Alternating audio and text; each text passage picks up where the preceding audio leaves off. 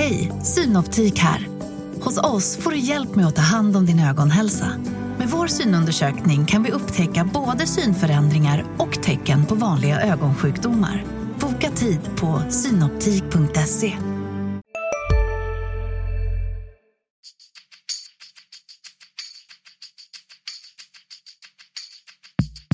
Skönt att komma ut och eh, bara lukta gräset. Så det, är, det är fotboll för mig. Är jag här och jag är väldigt glad att uh, kunna spela för det laget som jag har närmast om hjärtat. Om att skapa tro, om att tro på det vi gör, jobba vidare och vi ska vara ute där och ska vi leverera. Och det ska vi ju. Basta. Välkomna tillbaka till MFF-podden. Det här är avsnitt nummer 231. Jag heter Fredrik Hedenskog. Jag har digitalt sällskap av Max Wiman och Fredrik Lindstrand. God dag på er denna måndag. God dag. God dag. Malmö FF är svenska mästare för 21 gången. Eh, matchen där guldet säkrades, det vill säga 4-0 seger mot Sirius lämnade inget eh, tvivel om saken. Eh, och det var ju, eh, ja vad ska man säga, matchen i sig var inte så mycket att säga om. MFF hade 3-0 efter en kvart. Eh, det man kände som tv-tittare åtminstone var att det här hade ju kunnat vara en, en eh, 90 plus, ja kanske närmare 120 minuter lång festtillställning om det hade varit så att det hade varit publik på läktaren. Det är svårt att säga emot det. nu, nu, blev det, nu blev det något annat. Ja, det kändes lite som att det kunde vara vilken så här Gothia Cup-match som helst nästan. Spelarna hoppar lite och sjunger att segern är vår. Alltså det känns, det blir liksom, det är verkligen hur ett sån stor titel som det svenska mästerskapet ändå är i fotboll, det får man väl säga den största inhemska titeln som finns, så känns det ändå så, vad ska man säga, omäktigt. Och det säger ju väldigt mycket om, om, eh, om publikens betydelse liksom. Så tyckte jag, tyckte jag precis som Max eh, i krönikan där, att det fanns en fin symbolik i att de tackade en tomma ståplatsläktaren. Ja, det, det var faktiskt ett väldigt fint ögonblick. Och Eh, smart av Anders Christiansen. Jag tror faktiskt det var spontant för att de var på väg av flera av spelarna. Men, eh, men jag tänkte också så att det, det speglar också skillnaden mellan damsidan och herrsidan i fotboll. Om ni såg Göteborgs firande när de tog guld så var det mycket mer spontant och känslomässigt för att de, de, de är inte vana vid någon publik höll jag Nu är lite elak mot Göteborg men de har ju väldigt lite folk på sina matcher. Mm. De är inte heller så vana vid att ta SM-guld. Men, nej, men just att för dem var ju inte saknaden... Det, det, det, det var naturligtvis annorlunda men inte alls på samma sätt som det var på här sidan. Mm. Sen är det ju så också att MFF, jag vet inte, det, det är ju också en sån, man har ju, det, de har ju gått miste om att fira guldet med publiken men de har också gått miste om en tydlig match där guldet blev klart. För det här har de ju vetat länge. Och och, och nu blev det klart så tidigt i matchen också att de mest svallande känslorna hade nästan hunnit lägga sig till avspark. Och, alltså, det blev ju mer... Det, det, det, det, var ju inte mer den här planstormningsglädjen utan det var ju mer fint att se på en sån spelare som Sören Rex som äntligen, äntligen, äntligen fick sitt eh, SM-guld då. Att han var ju mer rörd liksom på ett sånt här sätt. Det var inte så att han ville ta av sig kläderna och springa runt och, och, och skrika liksom. Så det var, och, och det, men jag vet inte vilken match man skulle säga i år där det verkligen stod klart att ja, nu är det guld. Det kanske var äh, äh, Häcken hemma egentligen som var den där riktigt stora guldmatchen så att säga. Om man nu kan peka på en så. Ja, alltså annars är det mest matcher som MFF inte har spelat. Jag skulle säga det också. De matcherna när det har stått klart. Ja, men lite så är det ju. Men sen samtidigt tror jag att igår att det var många hemma vid tv-apparaterna som, som eh, kände en speciell sorts glädje tror jag ändå över en sån, sån här. De hann ju aldrig bli nervösa. Det var lite grann det också som blev så speciellt i och med att eh, målen trillade in så snabbt där i början. Det hann, man hann inte ens bygga upp spänningen i själva matchen. Eh, och jag mm. tänkte ofrånkomligt på, på Staffan Tappers ord som jag pratade med i, i helgen här.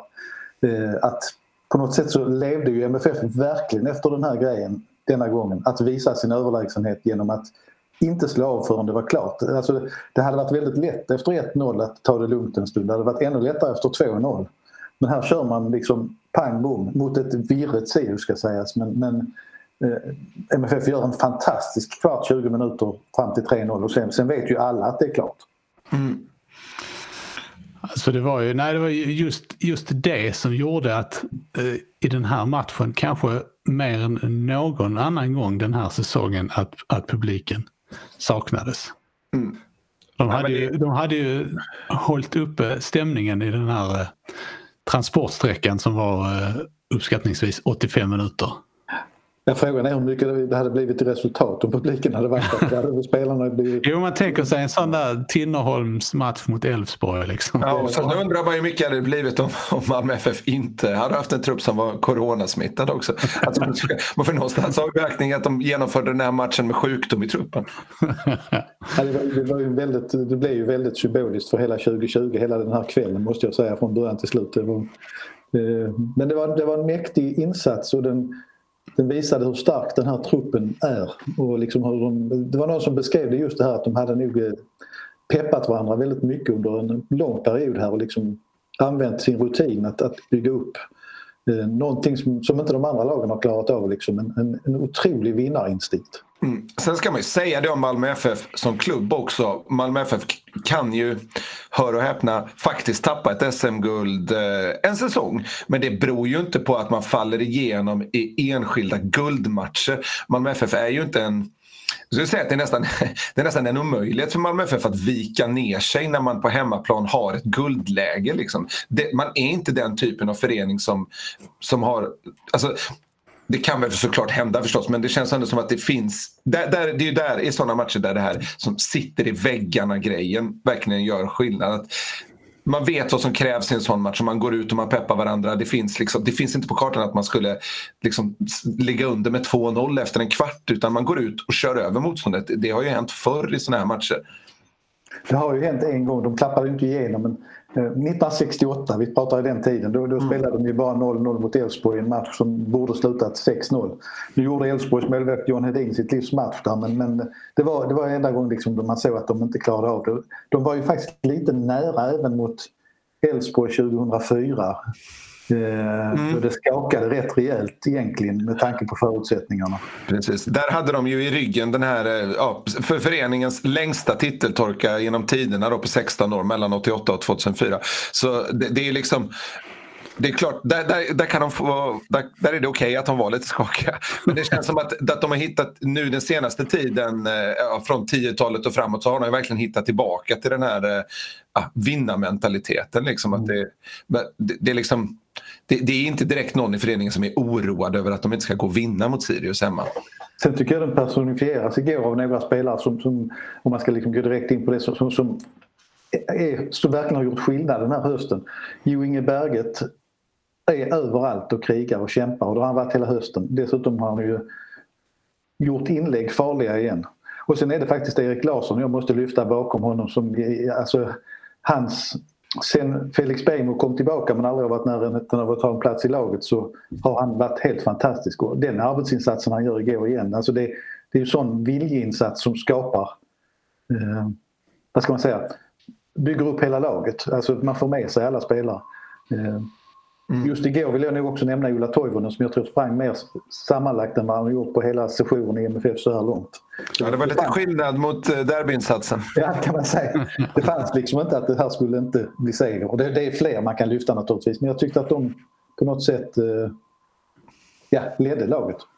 Jo, Inge Bergets assist till Toivonens 3-0 är ju väldigt fint för han får ju bollen och det, det, är väldigt lätt i ett sånt läge att bara skicka in den liksom på kraft. Men han man, han tittar så tydligt var Ola Toivonen ska, var han vill röra sig på bortre stolpen där och så måttar det sig perfekt inlägg. Liksom. Ja, det är det jag gillar med honom. Jag tycker att han kan variera inlägg. Han kan slå lågt och hårt och han kan slå högre. Och han, han, han tittar verkligen var bollen ska hem.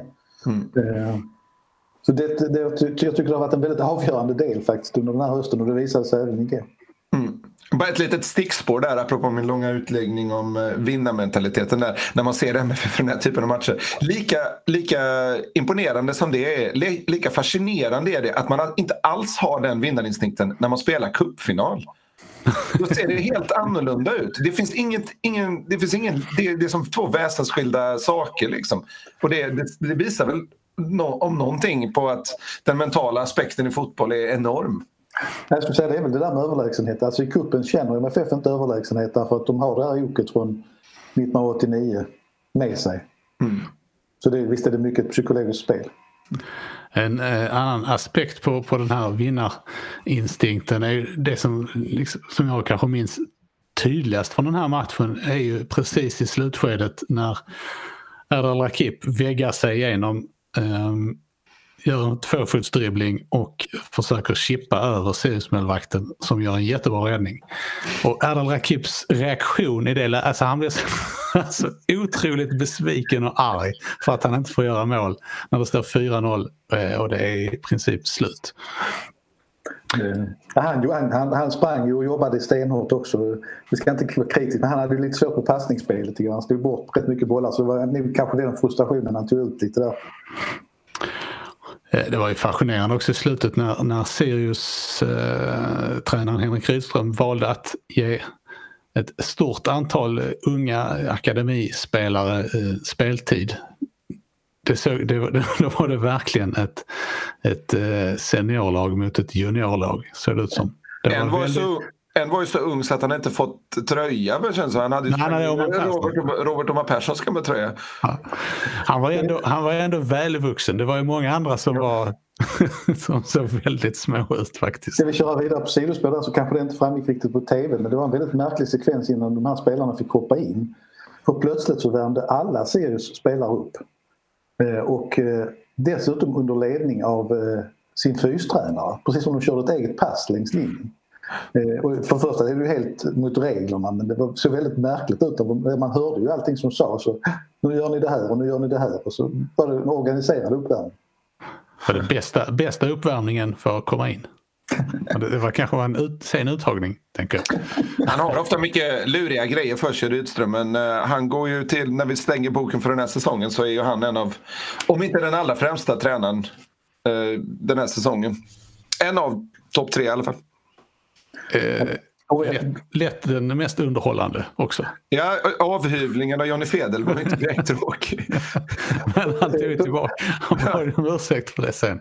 Ja, precis. Du kan jämföra sig med Saddam Hussein. han, är ju, han är ju färgstark och det kan man inte säga med en annan tränarprofil. Men det är ju lätt att, att hylla Sirius för en fantastisk säsong. Men eh, då skulle jag vilja säga så här, glöm inte bort att eh, Marcus Lantz i Mjällby faktiskt ligger före i tabellen. Mm.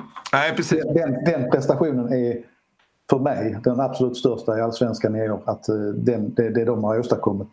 Vi har, vi har eh, tre omgångar kvar. Eh, det är det som avgör vem som har varit bäst.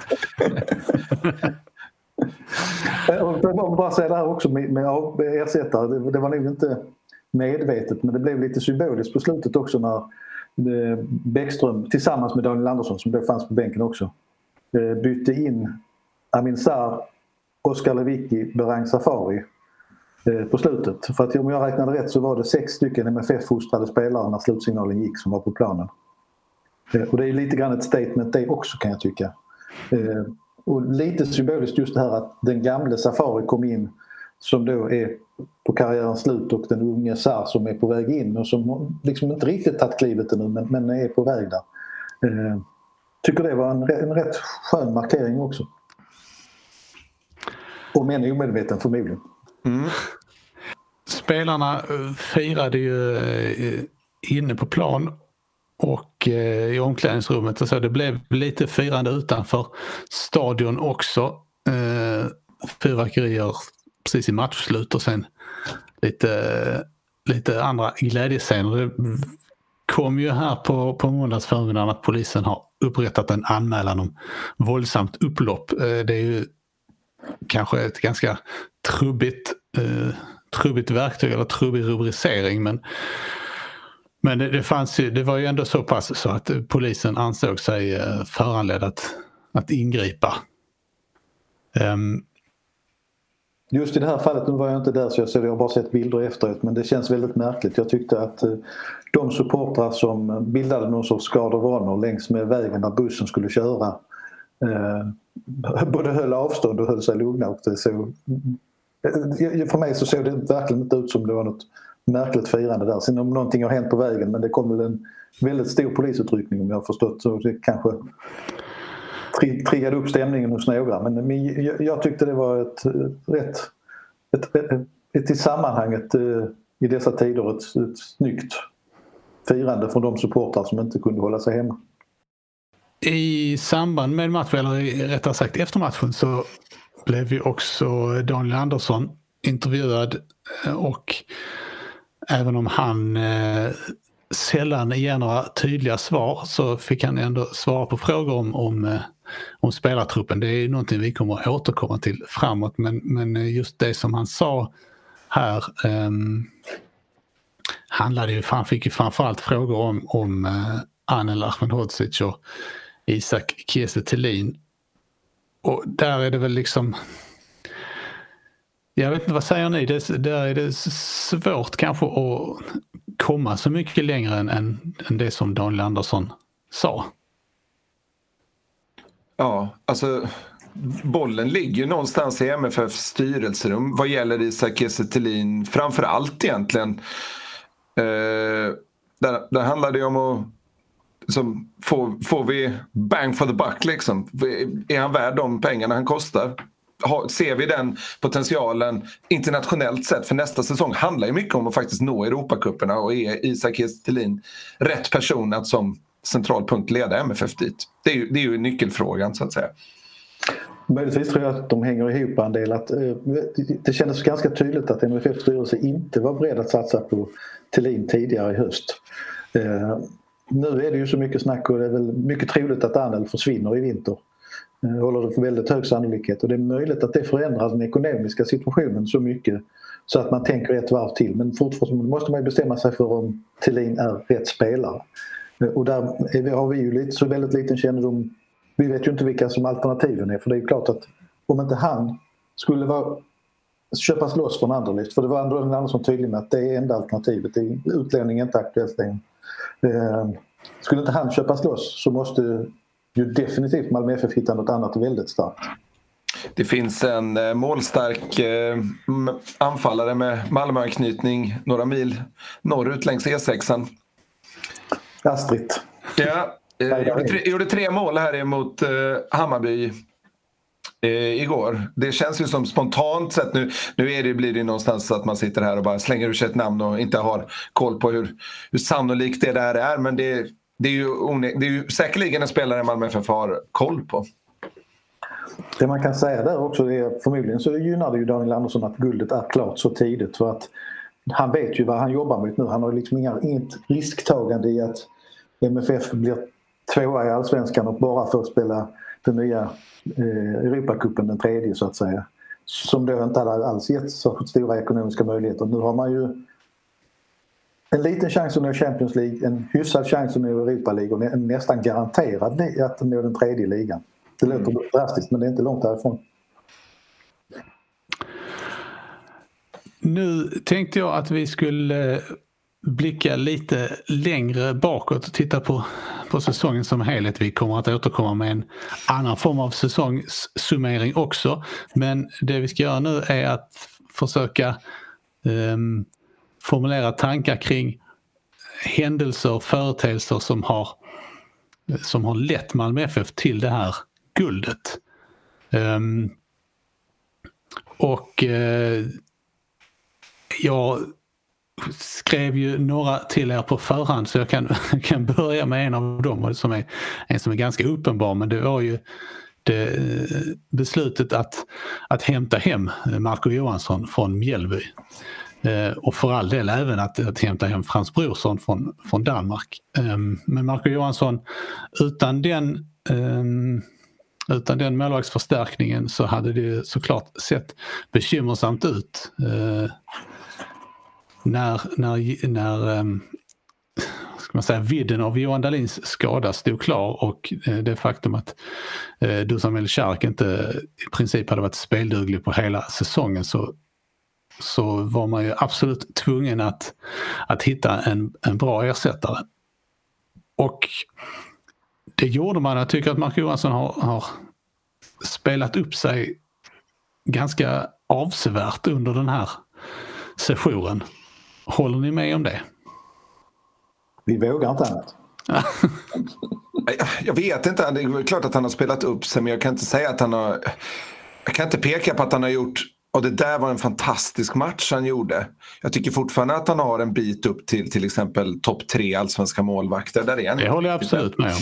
Men eh, det, såklart blivit stabilare och jämnare framförallt i, i liksom sättet man styr backlinjen kanske. Sen så kan jag känna att han kan bli lite passiv som, ja, när, när MFF tappar tre mot Djurgården till exempel så då vill man kanske ha mer pondus från sin målvakt i straffområdet eh, när, när inläggen börjar komma där. Liksom. Men det, ska inte, det är ju på inget sätt en förlust som han ska lastas för men det där är ju en sida av hans spel som han behöver förbättra.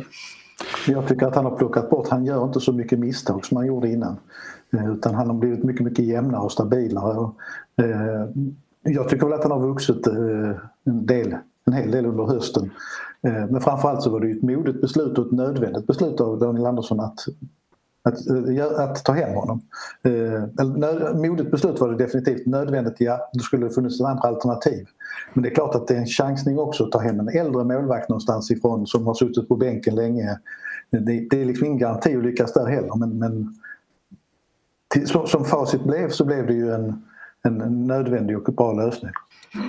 Jag tycker överlag att mod eh, är någonstans nyckelordet. Det är Daniel Anderssons säsong här. Han gick på en oerfaren tränare här i vintras. Eh, för att han trodde på spelidén och trodde på att det här var rätt person att slussa in eh, unga talanger. Sen har han faktiskt skeppat iväg uh, Fouad Bachirou som är högklassig i allsvenskan i, vad blir det, i alla fall fyra år tillbaka i tiden.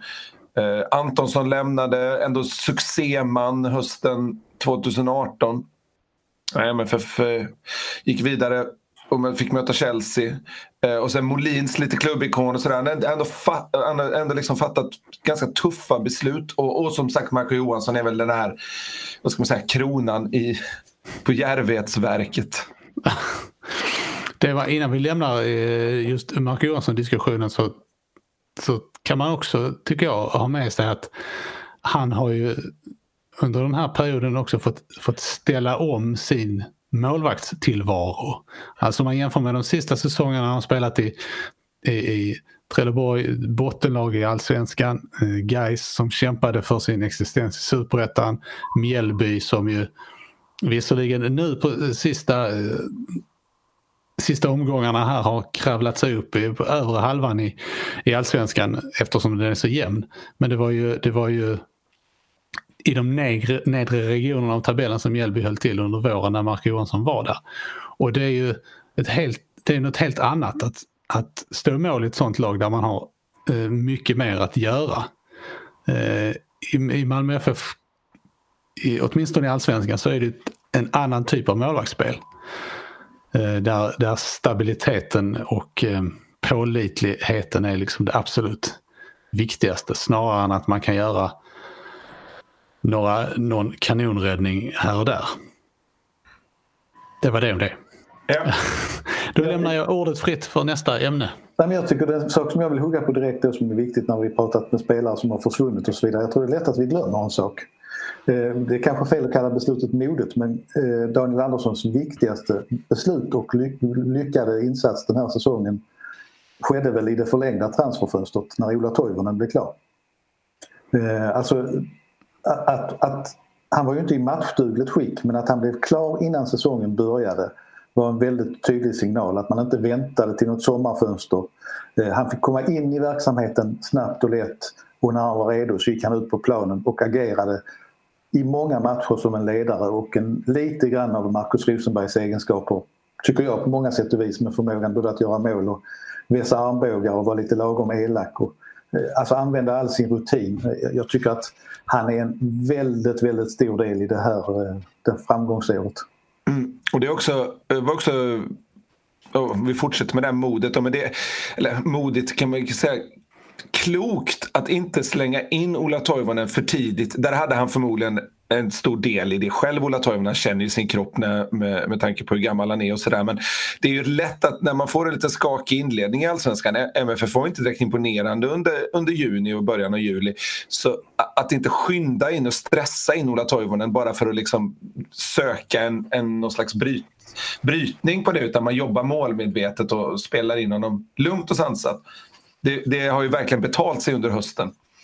Och där tror jag då man kommer på nästa del av det hela att eh, MFF har nog mycket bättre än övriga lag hanterat coronaåret och hur man skulle planera för det, eh, hur man jobbade i våras. Man gjorde avbrott i träningen och vilade eh, när man kände att när det liksom besluten kom att allsvenskan sköts upp ytterligare. Man, man liksom försökte balansera det här hela vägen.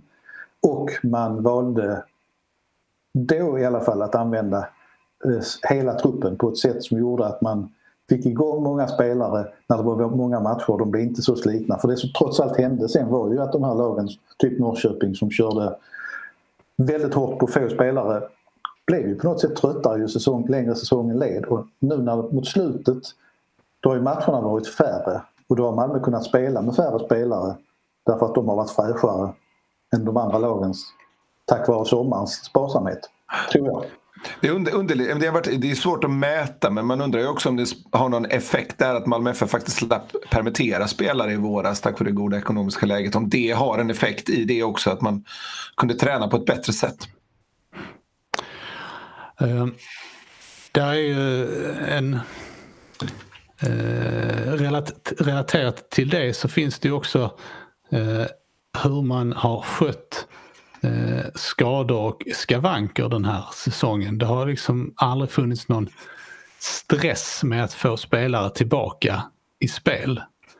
Eh, man har kunnat vila de spelarna som har behövt vila. Tittar man på, på hur det har sett ut så, så är det alltså bara eh, Anel Ahmedhodzic, Erik Larsson och Jonas Knudsen som har startat mer, eller 20 matcher eller fler. Eh, tittar man på många av de andra profilstarka så, så har alltså Anders Christiansen 19 matcher från start i Allsvenskan pratar jag då. Lewicki 17, Rex 14, Rakip 14, Thelin 17, Toivonen 15, Berget 18.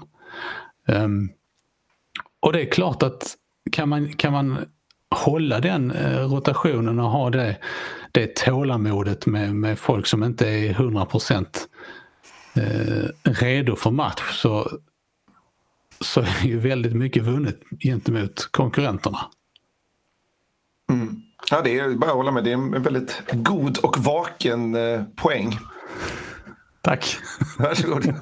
ja, det är framförallt under sommaren som, som eh, de roterade väldigt mycket. Alltså, sen är det ju många spelare, jag menar Berget har väl spelat det mesta nu i höst till exempel. Eh, det, det, det är fler spelare Rex har väl spelat betydligt mer.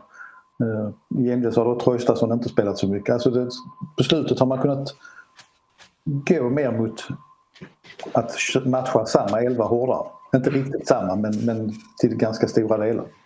Men finns det någonting mer att, att diskutera där? Jag tänker på om, om man tittar på, på just det att de som har spelat eh, konsekvent är ju då eh, tre, tre försvarsspelare kan man säga. Och sen så har ju då eh, Nielsen och Brorsson delat på den andra mittbacksplatsen mer eller mindre. Eh, tror ni att det... Nu blir det lite spekulation här men, men är det... Det brukar vi inte ägna oss åt. Precis, men skulle, kan ni tänka att det skulle se likadant ut en normal säsong också? Att det liksom att Thomasson eh, resonerar på det viset att där, där bak där har jag liksom Hej, Ulf Kristersson här. På många sätt är det en mörk tid vi lever i.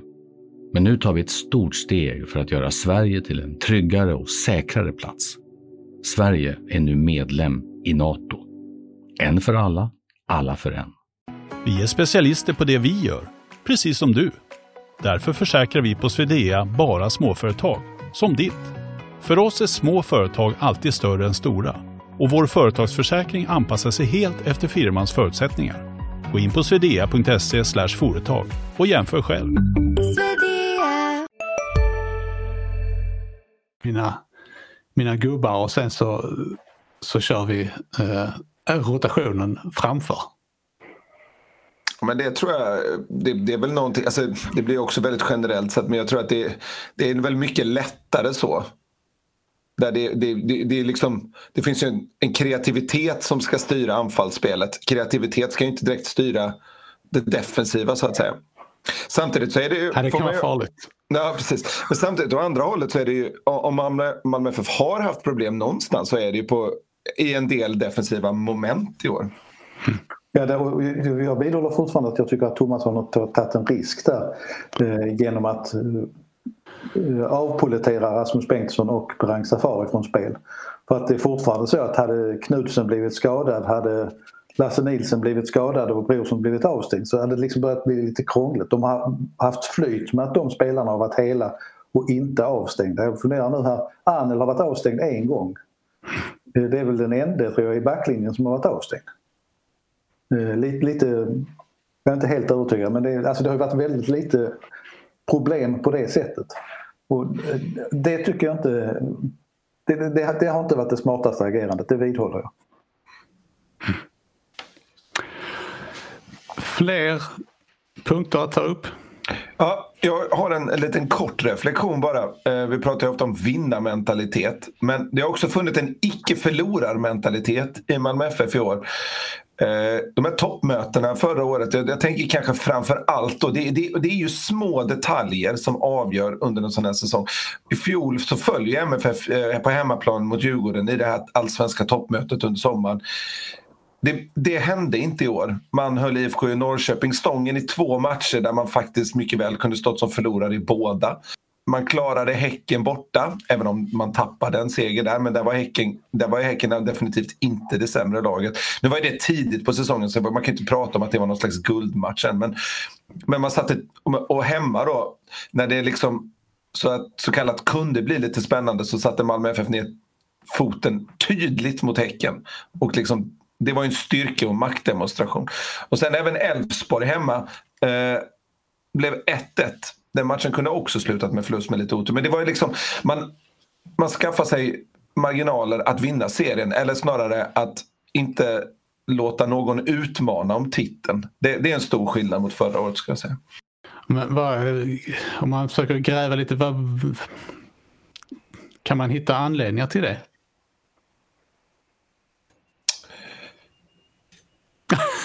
Ja, det är väl det som är...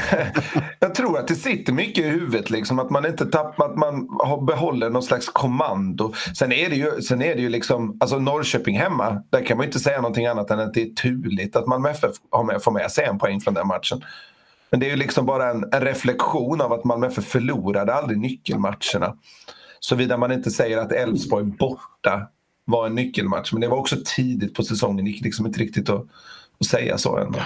Jag tror också en sån här säsong när det ändå blir så tätt mellan matcherna så är det ofrånkomligt att det blir typ sån här att man förlorar mot Elfsborg borta. Alltså, det, även om Malmö har klarat sig bättre än de andra lagen så har väl allsvenskan visat att när det blivit så tätt så, så blir det fler eh, lite oväntade resultat. Eh, lag som inte riktigt lyckas hålla ungarna uppe i omgång efter omgång. För att vi är, de flesta lagen i Sverige är ju trots allt inte vana vid det intensiva matchtempot. Och där har ju nog Malmö haft en nytta av alla de här åren med Europaspel. Att man har en annan vana att spela väldigt mycket matcher. En annan sak som jag eh, har funderat lite på det är ju eh, MFFs eh, goda starter i flera matcher, framförallt här under, under hösten. Men eh, de har alltså gjort, under de inledande tio minuterna har MFF gjort nio mål den här säsongen. Eh, det blev seger i samtliga de matcherna utom hemmamatchen, hemmamatcherna mot Elfsborg och Varberg. Eh, och det är ju ett eh, svåröverträffat sätt att sätta tonen i en match. Mm. Eh, sen så gäller det såklart att man, att man ska kunna eh, förvalta det övertaget också. Eh, men, det, men det känns ju inte heller som, med tanke på hur MFF har uppträtt i match, många matchupptakter med hög och hård press så känns det ju inte som att det är någon slump heller utan det är ju frukten av ett medvetet sätt att spela. Mm. Jag säger det. Ja, där kör du. ja, då kör Men då kommer man in på den, den punkten som eh, vi det får väl ta kanske som någon slags avslutande punkt som, när man hittar en förklaring som är värd att lyfta. Liksom. Det är ju rekryteringen av Jon Dahl Tomasson och den fotbollen han har spelat med Malmö FF. Eh, där, där ju den här åter, återerövringspressen har fallit väldigt, väldigt bra ut. Det, det, är, en, det är en konkret stor skillnad från eh, eh hur det var under Ove Rössler. Jag vill anknyta där. Bara för att säga att eh, jag tror också att MFF har varit effektivare än tidigare. Alltså man har ju varit bra i matchstarter egentligen i många år men man har varit mycket effektivare där det är. Men framförallt för att anknyta till det Fredrik säger så tror jag att eh, det sker ju någonting mitt i sommaren där när det inte går så där riktigt bra. Eh, det blir en utveckling av spelet så tillvida att spelet blir mycket rakare mot mål. Alltså det fanns ju en period när det passades eh, runt framför straffområdet. Även när man hade återerövrat bollen. Det hände liksom ingenting, det blev inte explosionen. Och där tyckte jag det, vad ska vi säga, där blev den andra vågens effekt av eh, Jon Dahl Tomasson att han implementerade det tydligare. Vi ska direkt mot mål. Eh, det blev en stor skillnad från, från den här perioden när det inte gick så bra i början kanske. Mm. Men det, blir, det, är ju det påverkat mycket. Alltså det är ju, det är ju, eh, ju längre säsongen har lidit ju mer har man väl kanske förstått och sett vad han, vad, vad han ville så att säga. Mm. Jag tror att det är en kombination av många saker just att det blev sådär. Men eh, till att börja med är det ju att han, att han har trott på sin strategi men inte trott på den på det viset att så här ska vi spela oavsett vad. Utan han har sett det och twistat till lite små grejer och han har framförallt efter några omgångar, säg tio omgångar in, hittat vilka spelare han tycker är bäst för att utöva detta.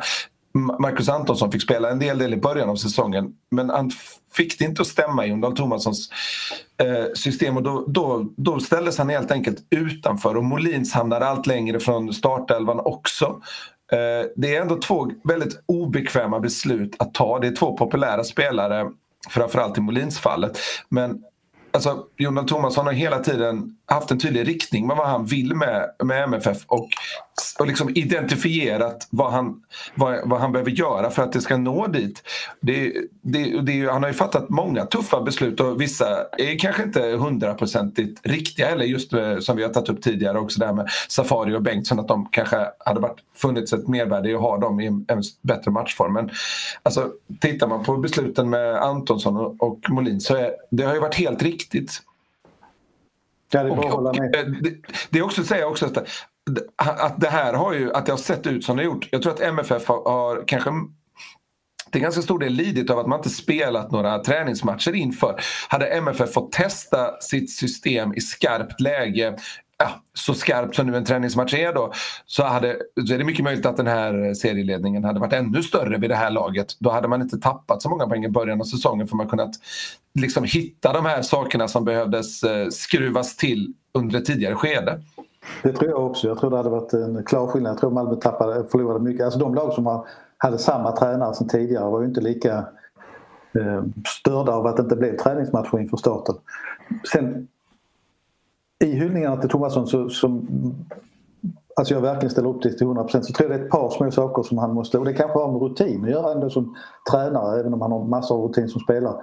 Eh, det här med defensiva fasta situationer tycker jag har, eh, alltså där måste Malmö hitta en bättre modell. Det är någonting som inte har funkat i det upplägget kring träningen. Eh, och sen den andra det är snabba beslut för att stänga matcher eller vända matcher om jag uttrycker det så. Jag tänker framförallt på Djurgårdsmatchen. Alltså att, att slänga in en extra mittback. Det kändes som man lärde sig det efter den matchen. Eh, men de där snabba taktiska förändringarna under en match eh, för att stänga eller slänga in en Johan Hammar som inte Malmö har på topp för att man ska mata in bollar i slutminuterna. Alltså, det, det, där tror jag att han kan utveckla sig ännu mer och bli en ännu starkare tränare. Ja, och vi får inte glömma att Jon Dahl Tomasson är ju nästan lika oerfaren som A-lagstränare på, på, på toppnivå. Alltså som att själv stå som huvudtränare. Om man tittar på MFFs trupp och man tycker fantastisk utveckling på Anel Ahmedhodzic som kommer med så ringa A-lagsmentalitet eller A-lagserfarenhet och kan gå in och göra en sån här säsong. Alltså det går ju nästan att säga detsamma om Jon Dahl Tomasson. Det är inte mycket till, eh, till liksom manager-erfarenhet han har.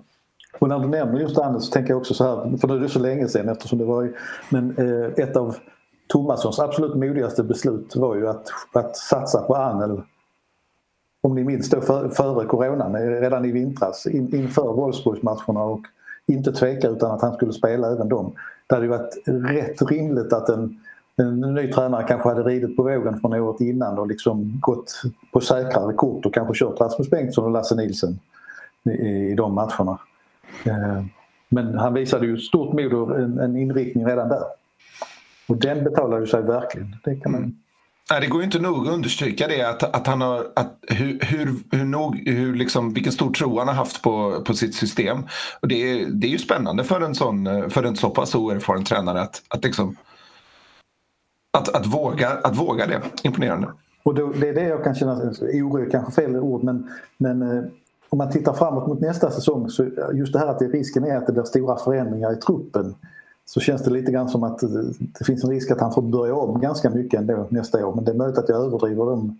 Jag, jag tänker liksom i en bild av att Thelin inte stannar, att Arnel försvinner att AC får ett bud som MFF inte kan säga nej till. Eh, alltså plötsligt så blir det väldigt mycket centrala figurer som ska på något sätt ersättas. Mm. Det enda som borde oroa Jon Dahl Tomasson är ju den här 2000-talstrenden som vi ser i, i Malmö FF. Det är ju, vi har tagit sju guld nu på den här sidan Millennium och det har varit sju olika tränare. En, en, tränare tar inte två guld med Malmö FF på 2000-talet. Det är väl kanske det som borde vara lite oroväckande då. Hur, bedömer det är också någonting man skulle, man, vi kan absolut komma och återkomma till på sikt men, men ett av Malmö FFs problem just eh, här vad, vad gäller tränar, eh, tränarcirkusen, om vi kan kalla den så, det är ju att man har haft väldigt svårt att hitta, hitta rätt. Eh, alltså antingen har man bedömt att tränaren inte har eh, kunnat utveckla Malmö FF tillräckligt eller så har tränaren utvecklat Malmö FF så mycket att eh, tränaren har försvunnit. Eh, för, vad kan man se liksom för tidsperspektiv på, på Jon Dahl Tomassons gärning i Malmö? Jag vågar inte ha någon uppfattning med tanke på hur det har sett ut de senaste åren. Alltså det, är ju, eh, det är jättesvårt att veta vad som händer. Han kanske får anbud från en storklubb i Europa redan nu efter den här säsongen. Eh, vi vet väldigt lite om egentligen hur samarbetet mellan honom och Daniel Andersson fungerar. Hur mycket manager Jon Dahl Tomasson vill vara. Eh, det ser ju ut som det har varit helt friktionsfritt men vi vet ju väldigt lite. Alltså Daniel Andersson eh, lät ju väldigt nöjd igår um, när han blev intervjuad om, om samarbetet med Thomasson. Det kanske i och för sig var framförallt i förhållande till andra icke namngivna tränare. Men, eh, men ändå. Nej, men absolut, jag håller med. Alltså, vi, det, har inget, det, det finns ju en enda liten varningssignal om man ska nämna den. Eh, alltså att, eh, vad ska man säga det här. Eh, valet Vem bestämmer? Eh, Daniel valde ju att plocka hem Felix Beijmo i somras. Eh, och Jon Dahl Tomasson har på ett väldigt tydligt sätt valt att inte använda honom.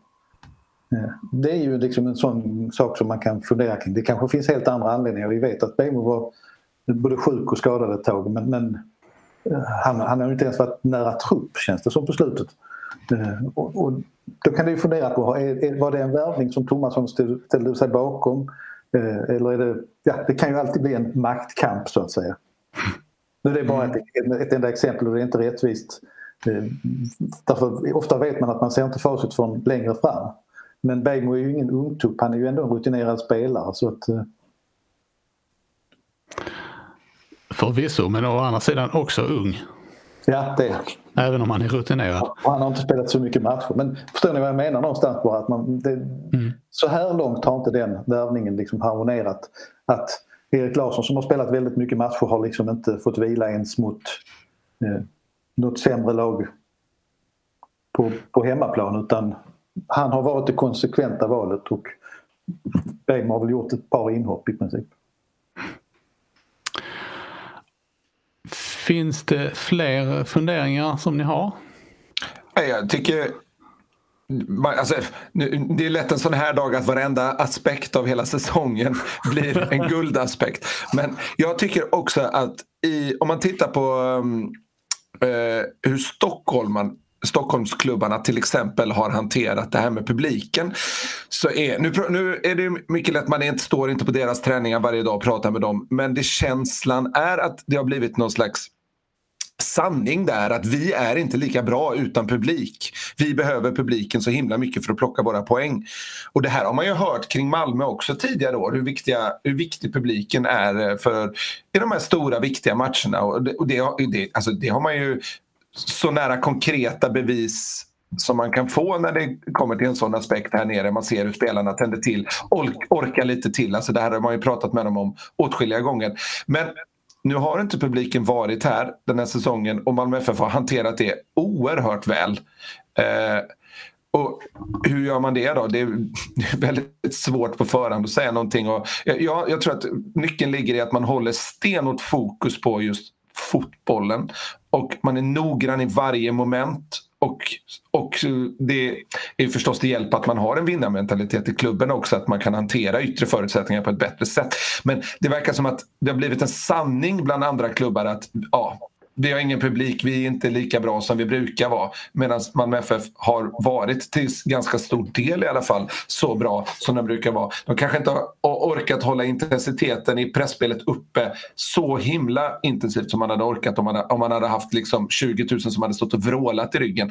Men det går inte att säga att, att liksom intensiteten har tappat jättemycket om man tittar på hur Malmö tar sig an matchen igår till exempel.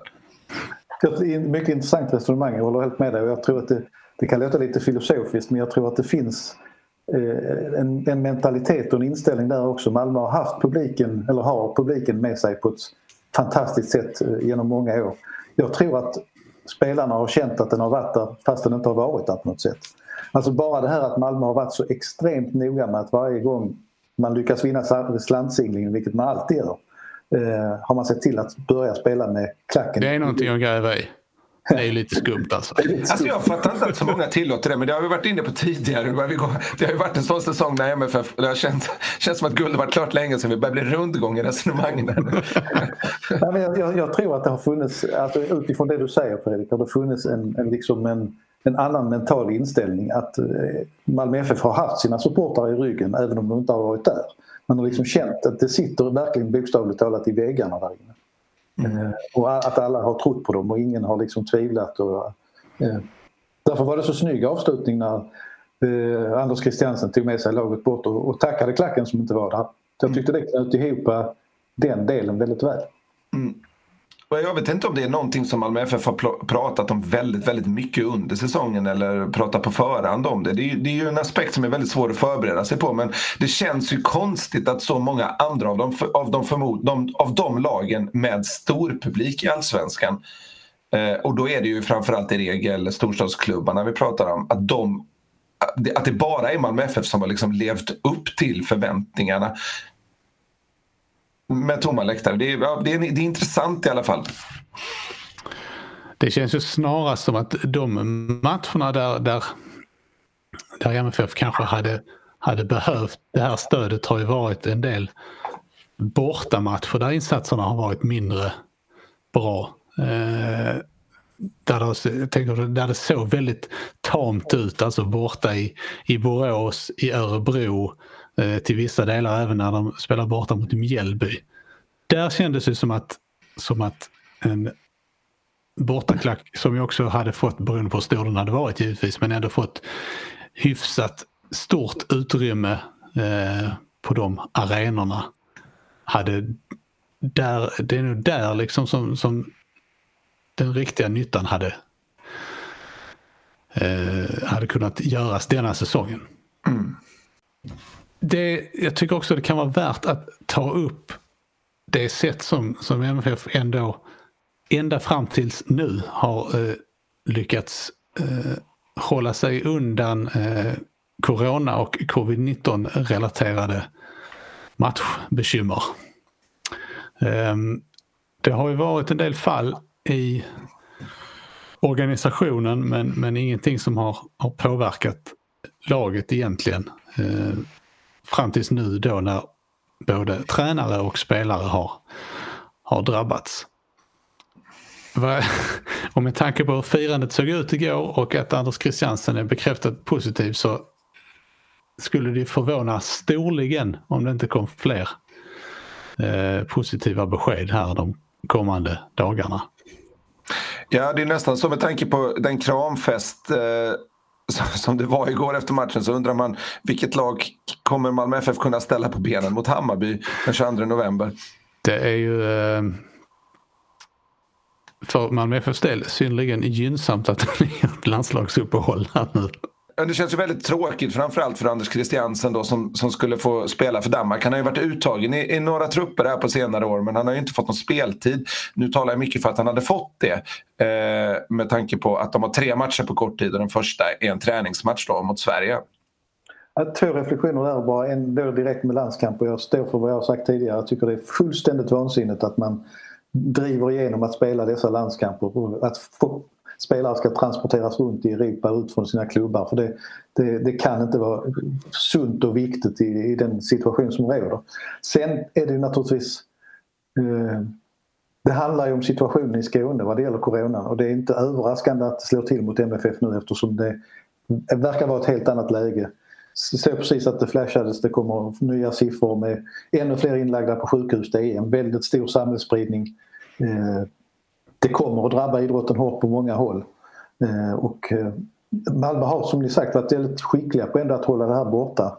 Eh, men nu kan det vänta några tuffa veckor och, och, och liksom innan det här stabiliseras. Och det, det, det, det, känns förmätet att spekulera i sjukdom men, men det är klart att det, det vore märkligt om man skulle klara sig undan med det här enstaka fallet som är bekräftat nu på spelarfronten.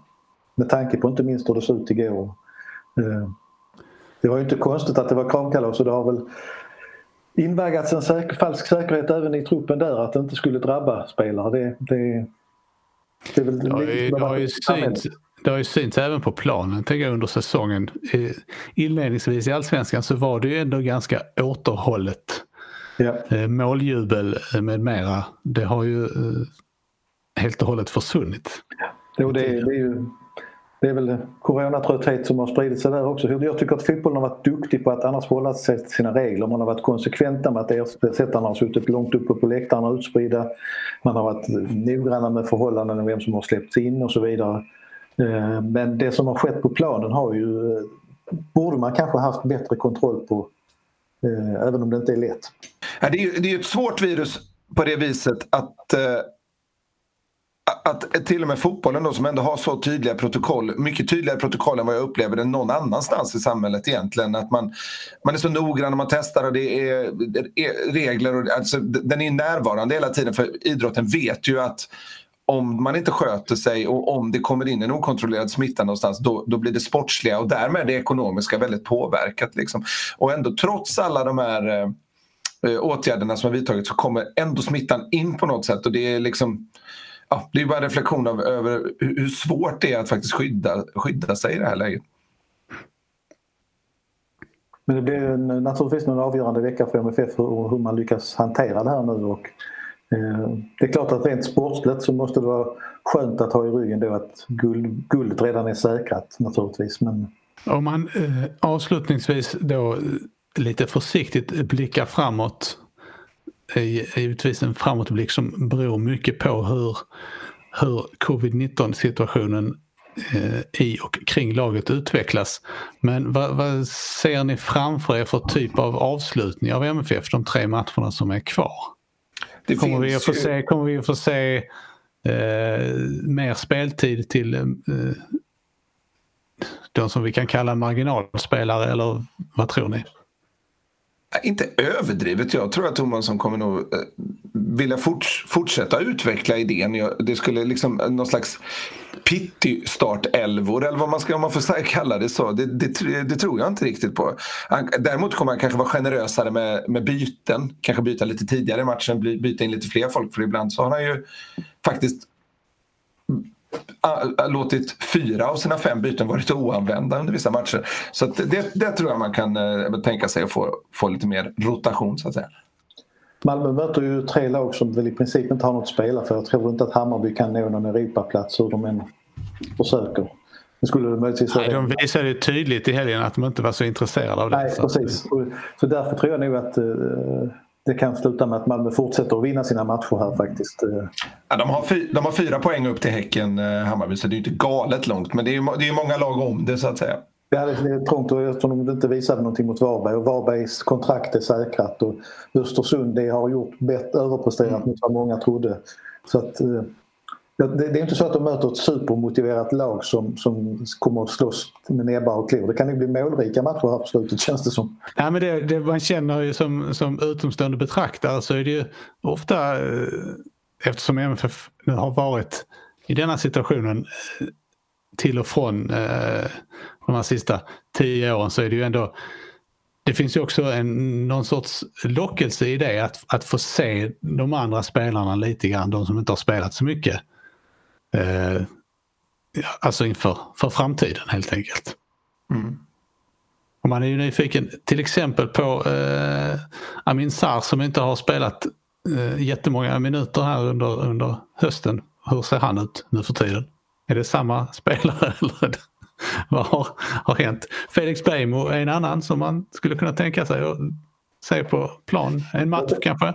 Och där kan man ju få se lite om du nämner Beijmo liksom just hur intresserad Tomasson är av honom. För om Tomasson räknar med honom som en viktig pjäs nästa år och uh, guldet är säkrat och Erik Larsson har spelat oerhört mycket så vore det väl väldigt logiskt att han får spela en del.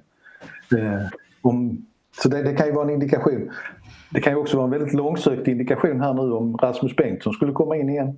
För det fortfarande är ju läget, man kan undra, försvinner Annel i vinter, Lasse Nilsson verkar pigg på att flytta hem till Danmark, då har MFF bara Frans Brorsson kvar om inte Rasmus Bengtsson stannar. Eh, så där skulle det möjligtvis kunna bli någon liten indikation på framtidstankar. Mm.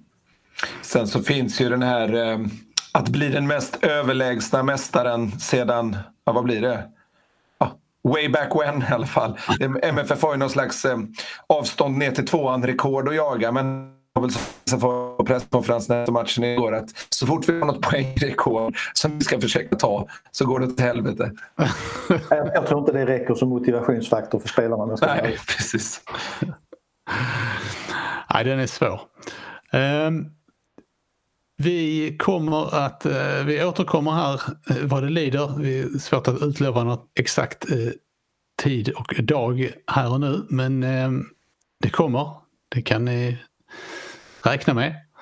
Eh, tills dess så har detta varit avsnitt nummer 231 av MFF-podden där vi anser att konstgräs ska förbjudas i svensk elitfotboll. Jag heter Fredrik Hedenskog, jag har sällskap av Max Wiman och Fredrik Lindstrand och ansvarig utgivare är Jonas Kanje. Tack för oss, hej hej!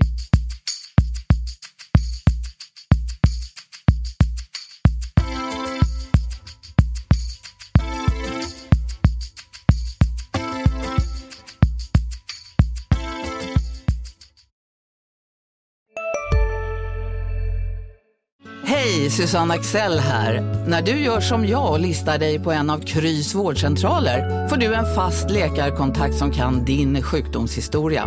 Du får träffa erfarna specialister, tillgång till lättakuten och så kan du chatta med vårdpersonalen. Så gör ditt viktigaste val idag, lista dig hos Kry. Välkommen till Maccafé på utvalda McDonalds restauranger med Baristakaffe till rimligt pris. Vad sägs om en latte eller cappuccino för bara 35 kronor? Alltid gjorda av våra utbildade baristor.